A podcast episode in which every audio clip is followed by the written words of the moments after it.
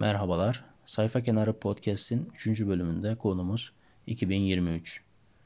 2022'nin sona ermesine artık 7-8 gün var ve hepimizin aklında 2023 yılının kimin yılı olacağı sorusu belirmeye başladı. Bu soruya tek kişi için bir evet cevabı çıkmayacak. Birçok kişi 2023 bittiğinde evet bu yıl benim yılım oldu diyebilecek. Belki biz de onlardan bir tanesi olacağız. Ve bunu e, başarabilmek için de o meşhur klişe hedef koyma durumu bizim önümüzde. Bunu yapmamız bize e, önemli bir hareket, bir momentum kazandırabilir. Yani yeni bir sene, yeni hedefler, yeni bir liste yapılacaklar. Hani meşhur bir olay vardır. Herkes Ocak'ta spor salonuna yazılır. Sonra o heyecan geçtikten sonra Mart'ta bırakır. E, abonelik devam eder ama kendisi gitmez. Tabi bu duruma düşmemek için dikkatli olmakta fayda var. Gerçekçi hedefler belirlemek, bizi tanımlayan hedefler belirlemek, olmak istediğimiz insan olmak aslında. Yani asıl mesele biraz da o. Olmak istediğin insan ne yapardı deyip onları yapmak. Çok basit bir durum. Hani aslında bazen zorlaştırıyoruz yap, yapılacak şeylere. Ee, bu şekilde biraz da düşünebiliriz. Hani benim olmak istediğim insan nedir? Kimdir? Olmak istediğim insan kimdir? Cevaplayıp bu insan nasıl davranırdı dedikten sonra iş biraz basitleşiyor. Çünkü sen o insansın.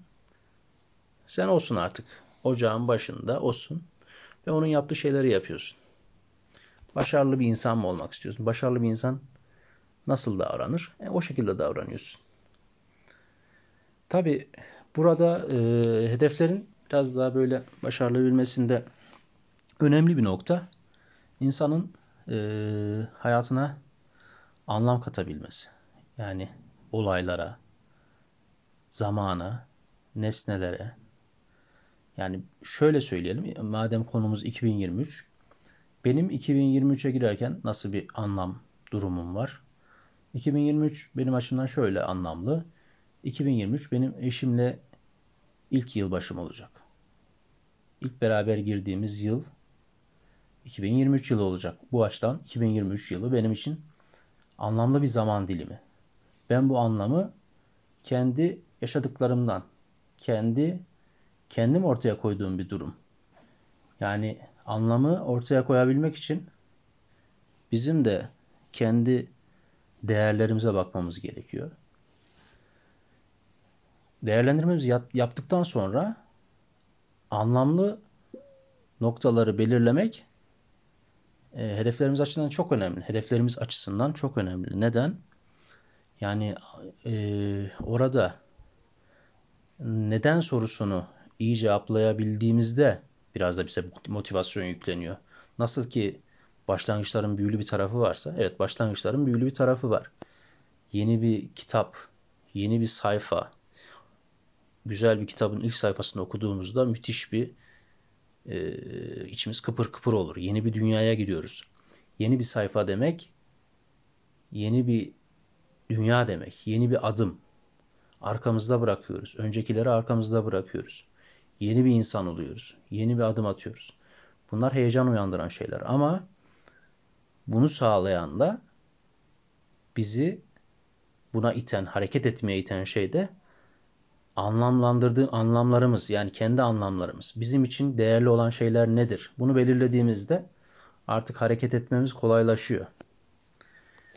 Bu yüzden 2023 yılında belki de e, neye değer verdiğimizi, bizim için neyin anlamlı olduğunu düşünmek e, çok değerli, e, çok verimli bir düşünme süreci olacak. Anlam verdiğimiz şeyleri belirledikten sonra bu doğrultuda, bu doğrultuda benim hedeflerim ne olabilir? Bu anlamlı anlamlar doğrultusunda. Ve bunlar için ne yapabilirim?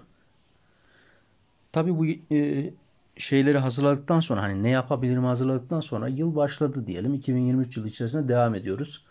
Ben daha önce de bunu gerçekleştirdim ve yıl içinde yapacağım birçok şeyi yazdım. İşte ajandaya yazıyorum. İşte bunları yapacağım. Şu aylık bunları yapacağım. Günlük bunları yapacağım. Ve o defteri bir kenara koydum. Sene sonuna geldiğinde bir bakıyorum. Hatta sene sonunda da değil. iki sene sonra o defteri görüyorum. Bir bakıyorum.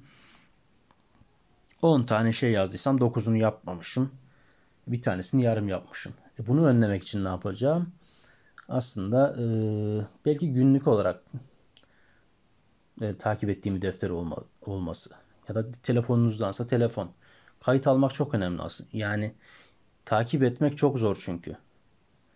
Kayıt almak çok önemli. Benim defterimden günlük takip ederim ya da aylık. Hani günlük yapmak zorunda da değilsiniz. Yani o kadar düzenli bir insan da olmayabilir. Ee, söz konusu kişi. Aylık bakarsın. Hani ben bu ay e, kendi değerlerim doğrultusunda ne yaptım ve ne durumdayım? Bunu kontrol edebilir. Bu bir geri dönüş oluyor aslında. Hani geri dönüşler önemlidir. Yani o yüzden mesela bir işi uzmanla sorduğumuzda çok çabuk gelişiriz. Ben bir şey yaptım. Bir uzmana danıştığımda o bana e, sağlıklı bir geri dönüş sağlar. Bir feedback sağlar. Ve ben bu doğrultuda kendimi geliştirebilirim. Bu da müthiş bir gelişme, müthiş bir sıçrama sağlayabilir. E, kendi kendimize olan e, geri dönüşler tabi o uzman geri dönüş kadar olmasa da neyi yaptığını, neyi yapamadığını gösterir. Zayıf noktalarını gösterir. Neyi yapmakta e, üşengeçlik gösterdiğini, hangi noktalarda zayıf olduğunu insana anlatır. E, bunların dışında e, biraz daha keyifli olması için belki 2023 yılında hangi kitapları okumayı hedeflediğinizi yazabilirsiniz. Ben bu, bu konuyla ilgili de bir bölüm çekmeyi düşünüyorum. Hani 2023 yılında okumayı planladığım kitaplara ilişkin bir bölüm çekmeyi de düşünüyorum. Ee, yani hangi kitaplar ya kitap sevmiyorsanız hangi filmleri izlemek istediğiniz. Yani bunlar da işe eğlence katabilir. Yani sonuçta e, biraz da tutkulu e, işi yani şöyle sıkıcı bir şey haline getirmek her zaman başarısızlığa yol açıyor yani süreci süreçten keyif almak önemli olan. Hani sonuç, sonuca odaklanan kişiler genelde çok da başarılı olamazlar. Hani sen o sonuca giden süreçte keyif alabiliyorsan zaten sonuç kendiliğinden geliyor.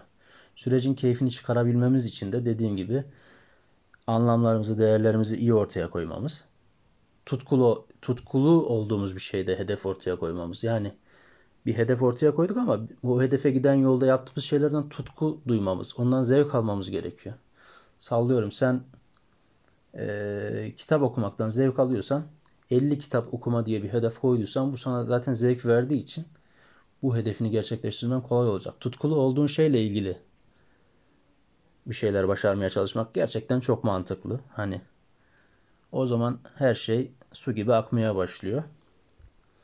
Ee, sizin de su gibi akan güzel bir yılınız olması dileyerek artık yavaş yavaş bölümün sonuna geliyorum.